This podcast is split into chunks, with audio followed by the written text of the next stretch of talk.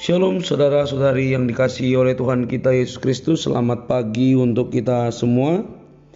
Di pagi hari ini saya mengajak kita kembali untuk merenungkan kebenaran firman Tuhan yang akan meneguhkan, menguatkan kita dalam menjalani hari-hari kita. Dan kiranya saudara-saudari boleh berdoa secara pribadi sebelum melaksanakan aktivitas masing-masing di sepanjang hari ini. Saudara, Alkitab memberi kesaksian yang eksplisit bahwa akar segala kejahatan adalah cinta uang. 1 Timotius 6 ayat 10. Akar segala kejahatan adalah cinta uang. Tentu perlu kita garis bawahi. Punya uang itu tidak salah Kata yang perlu digarisbawahi di sini bukan uang, tetapi cinta. Uang hanyalah salah satu alat pembayaran. Yang bermasalah bukan alat, tetapi hasrat atau keinginan.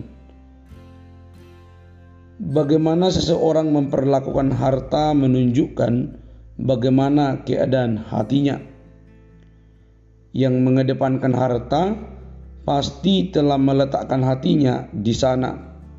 Bisa Bapak Ibu baca Matius 6 ayat 21 atau Lukas 12 ayat 34. Slogan cinta itu buta ternyata bukan hanya berlaku pada cinta asmara. Kecintaan terhadap uang juga telah membutakan mata banyak orang. Mereka tidak lagi mampu membedakan yang benar dan yang salah.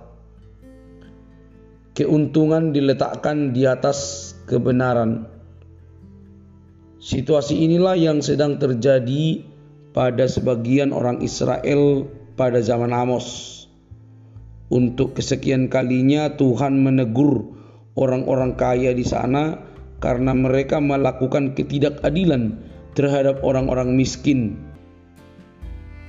Salah satu kelompok orang kaya di sana adalah para pedagang kelas atas.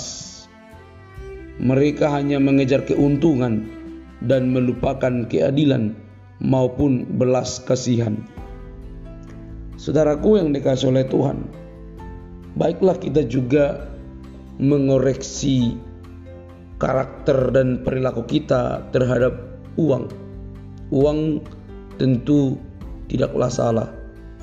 Yang menjadi masalah biasanya cara atau karakter hasrat kita mengenai uang. Demi uang, terkadang kita juga menindas orang lain Demi uang, terkadang kita juga melakukan kecurangan di sana-sini. Itu sebabnya 1 Timotius 6 ayat 10 dikatakan akar segala kejahatan adalah cinta uang. Uang memang diperlukan, tetapi terlebih daripada itu mengatur cara, mengatur hasrat itu lebih penting karena apabila hasrat tidak terkontrol, maka kita dapat melakukan segala macam cara untuk mendapatkan uang, termasuk melakukan hal-hal yang merugikan dan menjauhkan kita dari Tuhan. Saudaraku yang dikasih oleh Tuhan, janganlah kiranya mengejar keuntungan, tetapi di saat yang sama melupakan keadilan maupun belas kasihan. Saudara-saudari yang dikasih oleh Tuhan, siapa atau apa yang kita cintai, mungkin ke sanalah hati kita terpaut. Jikalau kita cinta akan uang, maka hati kita akan terpaut ke sana. Jika kita mencintai Tuhan terlebih dahulu, maka kita akan diberi kekuatan untuk mengontrol hasrat kita terhadap uang. Berhati-hatilah dan waspadalah, sebab akar dari segala kejahatan adalah cinta uang. Silakan berdoa secara pribadi. Selamat beraktivitas. Tuhan memberkati kita semua. Shalom.